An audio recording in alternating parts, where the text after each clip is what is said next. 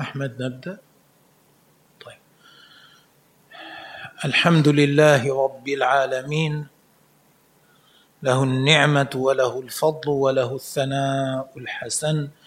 صلوات ربي وسلامه على سيدنا محمد وعلى آله وصحبه الطيبين الطاهرين.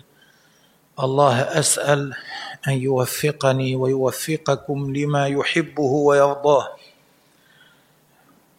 كنا امس كنا في الحصة الماضية أنهينا الكلام على العموم والخصوص. الآن ننتقل إلى الكلام عن المجمل.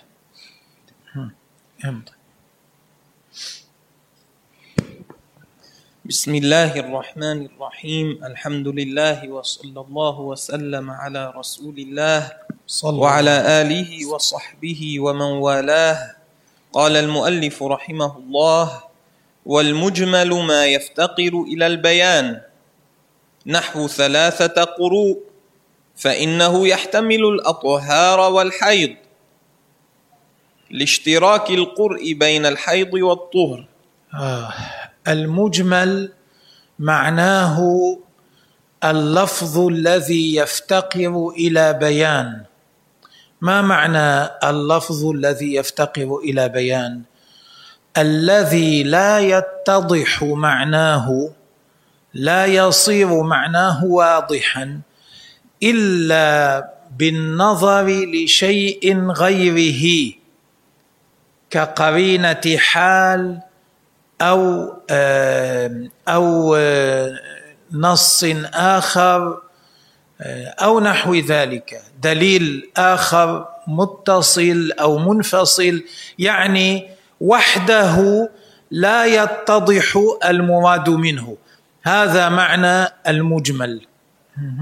مثال ذلك أن العدة عند ذكر العدة أنها تكون ثلاثة قروء. في كثير من الأحوال العدة ثلاثة قروء. القرء يحتمل الحيض ويحتمل الطهر. معناه مشترك. من حيث اللغة يتساوى الاحتمالان الحيض والطهر بالنسبة لمعنى القرء لا يرجح هذا على هذا ولا هذا على هذا. فاذا هذا لفظ مجمل. العدة ثلاثة قروء. ما هو القرء ليس متضحا. حتى يتضح يحتاج إلى شيء آخر يوضحه. هل المراد منه الحيض أو المراد منه الطهر؟ ومثال أسهل من ذلك. أقيموا الصلاة. هذا أمر بفعل الصلاة وإقامتها. ما هي الصلاة؟ لا بد من دليل آخر يوضح ما هي. ما شاء الله. امضي. فإنه يحتمل الأطهار والحيض لاشتراك القرء بين الحيض والطهر والبيان إخراج الشيء من حيز الإشكال إلى حيز التجلي أي الاتضاح. إيه. الإجمال ما ذكرناه البيان عكسه إخراج الشيء من حيز الإشكال إلى حيز الوضوح. إخراج الشيء تفسير المجمل هذا هو البيان. فالمبين هو الشيء الواضح الذي آه، ليس فيه إشكال. هذا معنى المبين. أعرض عن تفسير المجمل ليس فقط. البيان هو إخراج الشيء من حيز الإشكال إلى حيز التجلي. هذا هو. نعم. والمبين هو النص. الذي يبين هو النص الذي لا يحتمل إلا معنى واحدا يعني. هذا الذي يبين المراد مثال ذلك أن الله تعالى أمر في القرآن بإخراج زكاة الزرع عند حصاده. وما هو مقدار الزكاة؟ لا في الآية ليس واضحا. أوضحه حديث النبي عليه الصلاة والسلام فيما سقت السماء العشر حيث بين أن ما سقي بماء المطر يخرج منه عشره زكاة وما سقي بمؤنى وكلفه يخرج منه نصف العشر فال فالآية التي فيها الأمر بإخراج زكاة الزرع آتوا حقه يوم حصاده. حقه هذه الكلمة مجملة. أوضحها حديث النبي عليه الصلاة والسلام. فالعشر ونصف العشر هذا مبين. نعم. طيب وأيضا الأمر بالصلاة هذا مجمل. أقيموا الصلاة. مجمل. لفظ الصلاة مجمل. لكن أوضحه حديث النبي عليه الصلاة والسلام. الظهر أربعة العصر أربعة المغرب ثلاث ركعات العشاء أربعة الصبح ركعتان. الركعة تتألف من كذا وكذا وكذا وكذا. فالنص القرآني مجمل. أما الحديث فهو مبين. امضي. والنص ما لا يحتمل إلا معنى واحدا كزيد في رأيت زيدا. النص يأتي بمعان هنا في الاصطلاح المراد به ما لا يحتمل إلا معنى واحدا لا يقبل إلا معنى واحدا لا يحتمل أن يفسر بمعنى آخر. كزيد؟ ذكرت؟ كزيد في رأيت زيدا. إيه، مثاله زيد في رأيت زيدا. لا يحتمل إلا أن يكون المراد به الشخص المسمى زيدا. هذا هو. أقيموا الصلاة. لا يحتمل إلا أن يكون المراد منها الصلاة الشرعية التي أمر بها الشرع. وكذلك آتوا الزكاة. لا تحتمل إلا معنى الزكاة التي دل عليها الشرع امضي. وقيل ما تأويله تنزيله. إيه هذا هذا قول آخر في تفسير النص. يعني لا يحتاج إلى شيء آخر لبيان معناه. معناه واضح ظاهر. نحو فصيام ثلاثة أيام فإنه بمجرد ما ينزل يفهم معناه. مثل قوله تعالى فصيام ثلاثة أيام. لما نزل الصحابة بمجرد أن سمعوا ذلك فهموا معناه. لا يحتمل معنى آخر. لا يحتمل معنى آخر. إيه. ولا يحتاج إلى شيء آخر لتفسيره. إلى نص آخر لتفسيره. وهو مشتق من منصة العروس وهو الكرسي. لارتفاعه على غيره في فهم معناه من غير توقف. يعني يقول هذا استطراد هذا استطراد يشرح فيه لماذا سمي النص نصا. قال هذا مأخوذ من منصة العروس المكان الذي يقعد عليه العروس. في العرس عندما يعمل العرس يقعد عليه. هذا يكون أعلى من باقي مقاعد باقي الناس حتى يراه الحاضرون. يسمى منصة مأخوذ من النص والنص الارتفاع الرفع. وهذا المعنى المراد في الاصطلاح لأنه ظاهر لا يحتاج إلى شيء آخر لشرحه فهو أعلى من غيره من الكلام لذلك سموه نصا وقوله مشتق من منصة العروس فيه تسامح لأن الاشتقاق يكون من المصدر. لكن لا بأس هذا يتسامح فيه. هذا شيء يتعلق باللغة والصرف. بعلوم اللغة شيء يتعلق بعلوم اللغة. بارك الله بكم طيب امضي. والظاهر ما احتمل أمرين أحدهما أظهر من الآخر. آه. أما الظاهر فهو ما احتمل معنيان ما احتمل معنيين لكن أحد المعنيين أظهر من الآخر. أكثر استعمالا. هو المعنى الذي يخطر اولا عند سماع اللفظ إذا سمع اللفظ وحده. إذا سمع اللفظ وحده في غير سياق المعنى الذي يخطر في البال عادة اولا له هذا هو المعنى الظاهر. إذا كان يحتمل معنيين أو أكثر لكن أحد المعاني أكثر استعمالا. هو الذي يخطر في البال عند سماع الكلمة وحدها. هذا المعنى هو الذي يخطر اولا في البال عند سماع الكلمة وحدها. هذا المعنى هو الذي يقال له الظاهر. النص له معنى واحد. الظاهر له أكثر من معنى لكن أحد المعاني أظهر من غيره. هذا المعنى الذي هو أظهر هذه الكلمة بمعناها الأظهر يقال الظاهر. أما إذا كان المعنيان متساويين فيقال عنه مشترك مثل ما تقدم من ذكر القرء القرء لفظ مشترك. آه، يحتمل معنى الحيض ويحتمل معنى الطهر وليس أحدهما لغة أرجح من الآخر. في الاستعمال أول ما يسمع القرء لا يخطر في البال المعنيان عند العربي الفصيح. يخطر في باله المعنيان. لا يترجح أحدهما على الآخر. ومثل ذلك البيضة. تحتمل معنى بيضة الدجاجة ونحوها وتحتمل معنى الخوذة الحد... ال...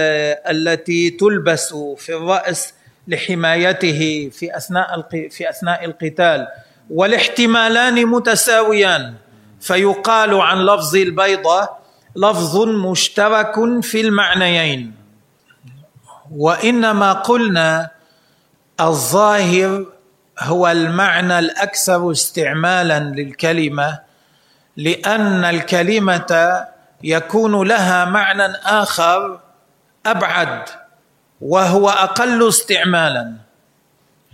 مثل الأسد. المعنى القريب للأسد المعنى الأقرب للأسد هو الحيوان البهيمة المعروفة الوحش المعروف. وله معنى آخر وهو الشخص الشجاع. لكن المعنى الأكثر استعمالا والأقرب للذهن إذا سمعت الكلمة وحدها هو المعنى الأول. فيقال الأسد ظاهر في معنى الحيوان المفترس مؤول بمعنى الرجل الشجاع. فال فال فاللفظ فالمؤول أو اللفظ الذي أو المعنى الذي يحمل عليه هذا اللفظ بالتأويل هو المعنى الأبعد للكلمة الأقل استعمالا. لكن هذا إذا كانت الكلمة وحدها. أما إذا ذكرت في سياق معين فيدل السياق ودل السياق على أن المراد المعنى الذي هو أبعد يكون هنا هذا المعنى في الحقيقة هو المعنى الظاهر. هو المعنى الأقوى هو المعنى الأقرب في الحقيقة. يعني بسبب السياق أو بسبب الدليل يكون هذا المعنى هو الأقرب. كما لو قلت رأيت اسدا فقال لي كذا وكذا. السياق يدل على أنه لا يراد بالأسد هنا الحيوان المفترس إنما يراد الرجل الشجاع. فهنا الأسد بمعنى الرجل الشجاع في الحقيقة هو المعنى الأقرب هو المعنى القريب. بسبب السياق بسبب الدليل. مثال ثاني الله تبارك وتعالى قال والسماء بنيناها بأيد وإنا لموسعون. والسماء بنيناها بأيد. ظاهر الأيد جمع يد. هذا لو سمعت وحدها. لو سمعت لو سمعت أنت لفظه بأيد وحدها أول ما يتبادر إلى ذهنك جمع يد التي هي الجارحة المعروفة. لكن أنت تعرف أن الله تبارك وتعالى لا يشبه شيئا ولا يتصف بالجوارح. فلا بد من حمل أن يكون لأيد فتعرف أن أيد هنا لها معنى آخر وهو القوة. اذا معنى الآية السماء بنيناها بقوة أي الله تعالى رفع السماء بقدرته عز وجل. هذا المعنى لو كان من حيث اللغة في الأصل من غير نظر إلى السياق والدليل هو المعنى البعيد لكنه هنا هو المعنى القريب الذي يعضد يسانده الدليل. امضي اقرا لو سمحت. كالأسد في رأيت اليوم أسدا فإنه ظاهر في الحيوان المفترس لأنه المعنى الحقيقي محتمل للرجل الشجاع بدله فإن حمل اللفظ على الآخر سمي مؤولا. على الآخر يعني على الرجل الشجاع نعم. سمي مؤولا. وإنما يؤول بالدليل. إيه نعم. كما قال ويؤول الظاهر بالدليل ويسمى ظاهرا بالدليل. أي كما يسمى مؤولا. منه قوله تعالى والسماء بنيناها بأيد. ظاهره جمع يد. وذلك محال في حق الله تعالى.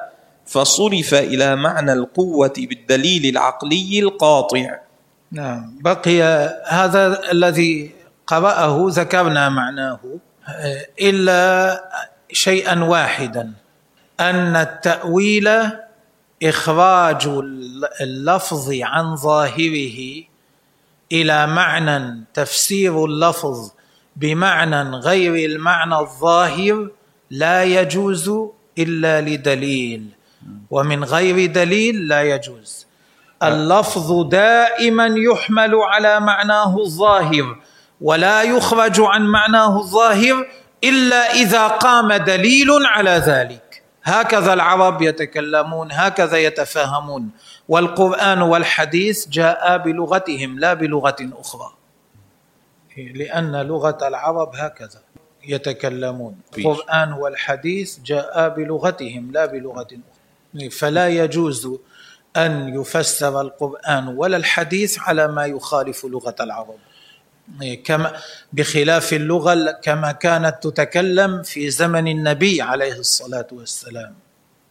لا يجوز أن يفسر إلا على وفق اللغة كما كانت تتكلم في زمن النبي عليه الصلاة والسلام. لأن الله تبارك وتعالى ذكر في القرآن أنه أنزله أي أنزل القرآن على النبي عليه الصلاة والسلام بلسان قومه.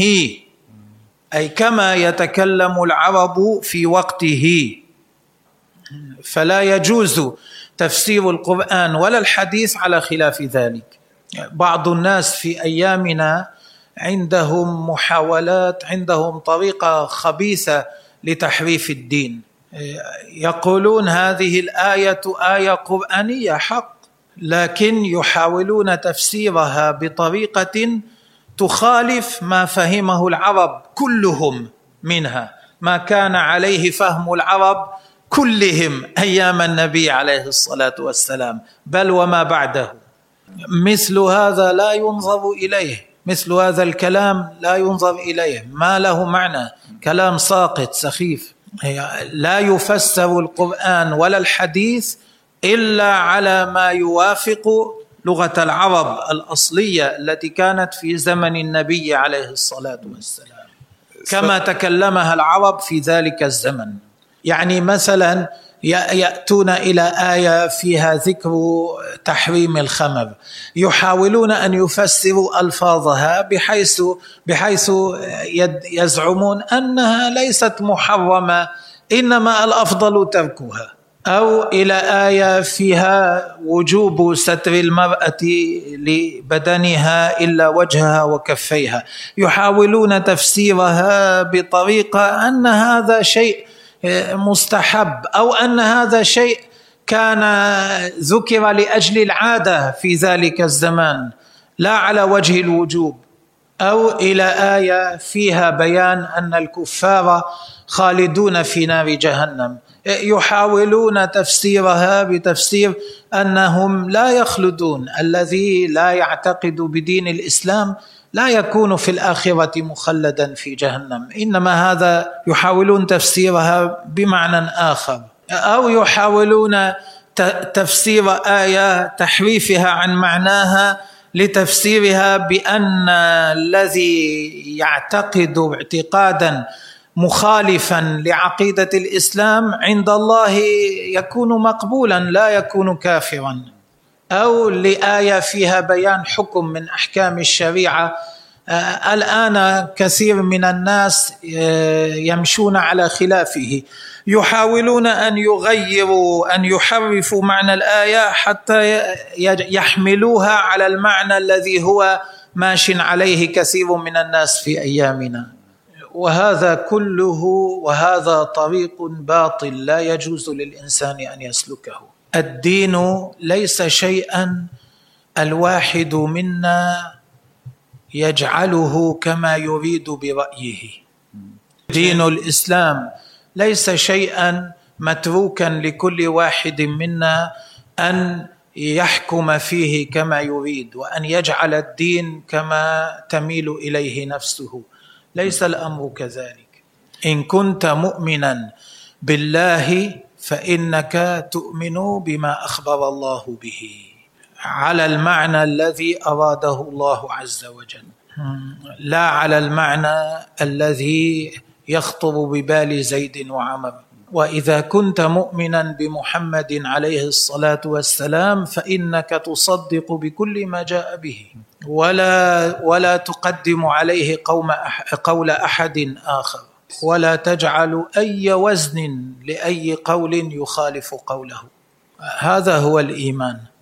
وإلا فما معنى أن يقول إنسان أنا مؤمن بالله لكن لا أوافق على كل ما أوحاه إلى نبيه؟ هذا يكون إيمانا لا يكون مؤمنا. ما معنى أن يقول إنسان أنا مؤمن بالنبي لكن أظن أن بعض الأحكام التي جاء بها تحتاج إلى تغيير ليست حسنة. غيرها خير منها. هذا يكون مؤمنا لا يكون مؤمنا بالنبي عليه الصلاة والسلام. هذا متبع لهواه ورأيه. يريد أن يحرف الدين ويغيره حتى يوافق رأيه وهواه. وليس هكذا ديننا. الله تعالى ذم الذين يؤمنون ببعض ما أنزل ويكفرون ببعض ما أنزل. وسماهم كافرين. فليسوا مؤمنين. فليسوا مؤمنين. آه. فلا يم فينبغي على الإنسان أن يكون متنبها. هو أن لا ينزلق إلى مثل هذه المزالق المهلكة. الله. امضي. الأفعال هذه ترجمة. هذا موضوع جديد يتكلم فيه وهو الأفعال أي أفعال رسول الله صلى الله عليه وسلم. فعل صاحب الشريعة يعني النبي صلى الله عليه وسلم. لا يخلو إما أن يكون على وجه القربة والطاعة أو لا يكون فإن كان على وجه القربة والطاعة فإن فعل النبي عليه الصلاة والسلام يقول لا يخلو. هو أحد امرين إما أن النبي عليه الصلاة والسلام فعل الفعل على وجه القربى للتقرب إلى الله طاعة لله أو على غير هذا الوجه على غير هذا الوجه. الفعل نفسه كلامنا عن الفعل نفسه. ليس كلامنا عما يقارنه عن فعل الفعل مع نية معينة. لا كلامنا عن الفعل نفسه. الفعل نفسه إما أن يكون قربة وإما أن يكون عادة. الصلاة قربة الأكل والشرب عادة. فالفعل إما أن يكون نعم إذا أكل أو شرب بنية التقرب بنية التقوي على طاعة الله هنا يكون له ثواب لكن الثواب لأجل النية التي قارنت الفعل. كلامنا عن الفعل نفسه حتى لا يقال لا يقال إنه النبي إذا نام كان ينوي التقرب التقوي على طاعة الله. إيه معروف هذا. يعرف العلماء هذا. لكن ليس كلامهم عن هذا. كلامهم عن الفعل نفسه مجردا عن النية. الفعل نفسه إما أن يكون على وجه الطاعة وإما أن يكون لا على وجه الطاعة. إما أن يكون طاعة أو يكون غير طاعة. ما في لا يوجد قسم ثالث. إما هكذا وإما هكذا.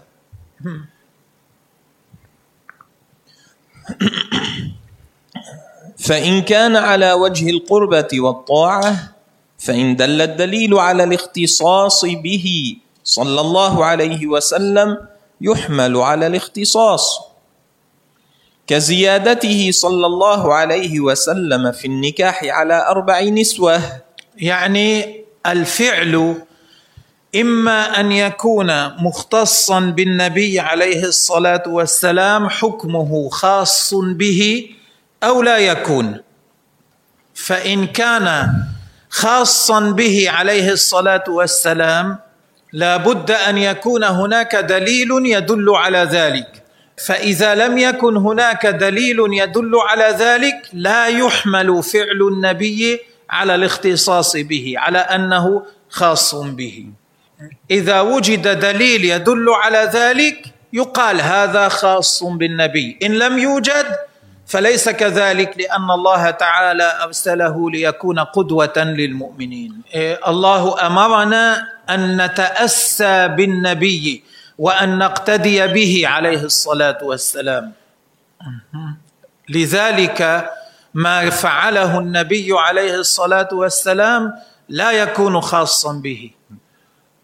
لا يكون حكمه خاصا به إلا حيث دل الدليل في أحوال قليلة دل الدليل فيها على الاختصاص. فإذا قال مثلا العالم هذا الأمر جائز لأن النبي فعله عليه الصلاة والسلام. ليس لأحد أن يقول له هذا خاص بالنبي جوازه خاص بالنبي. ليس له ذلك. لا, لا ينطبق على باقي المؤمنين. ليس له ذلك. إلا إذا دل دليل على هذا.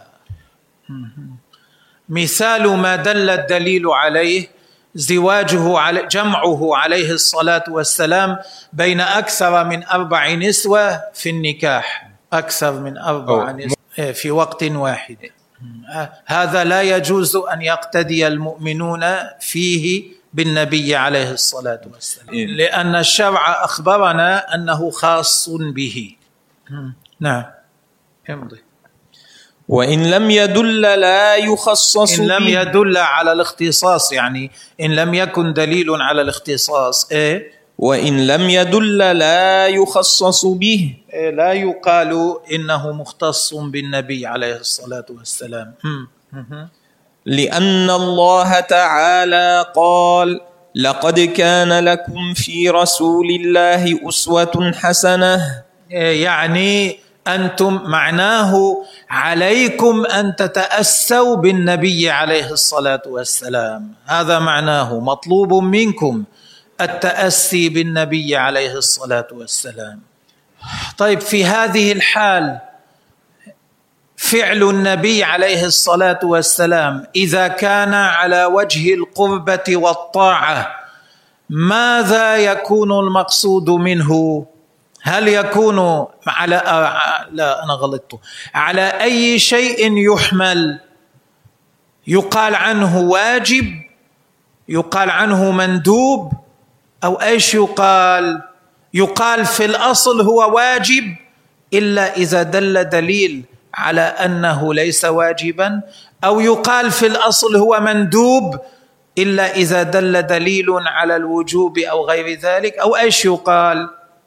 مطلوب منا اتباعه فيما فعله على وجه القربة والطاعة.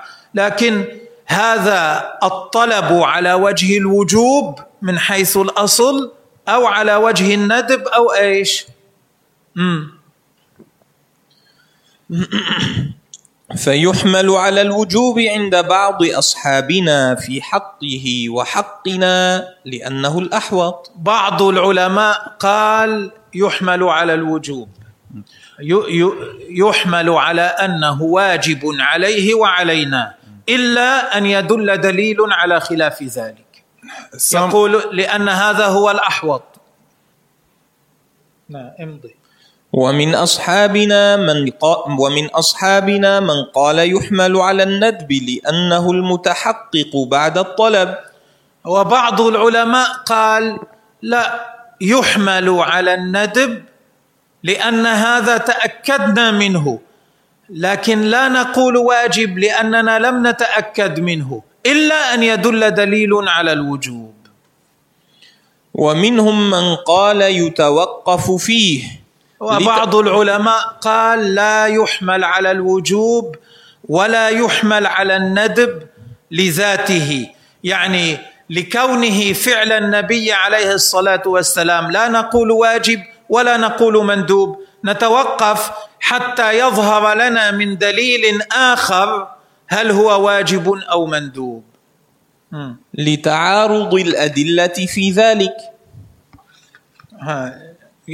يقولون لأن الأدلة متعارضة في ذلك.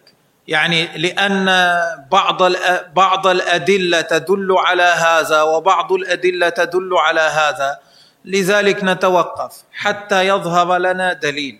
من أين جئت به لتعارض الأدلة في ذلك؟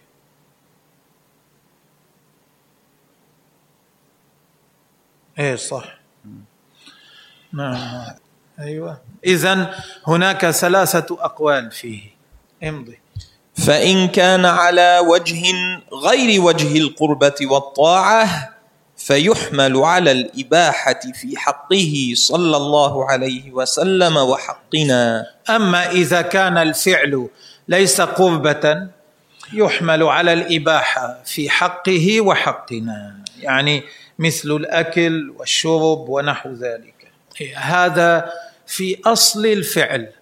أما كيف يعمل فمن العلماء من قال يحمل على الندب. مثلا الأكل مباح. الأكل بثلاثة أصابع. آه، الاقتداء بالنبي عليه الصلاة والسلام. بالاكل بالأكل بهذه الأصابع الثلاثة قالوا هذا مندوب. آه، كيفيته كيف فعله هذا يقال يسن الاقتداء به عليه الصلاة والسلام. النوم مباح في أصله لكن أن ينام على جنبه الأيمن وقد وضع كفه تحت خده هذا يسن الاقتداء به في ذلك. وهكذا إلى غير وهكذا في غير ذلك. نكتفي بهذا والله تعالى أعلم. نهلل. لا, لا إله إلا الله. اللهم صل على سيدنا محمد وعلى آله وصحبه وسلم. بارك الله بكم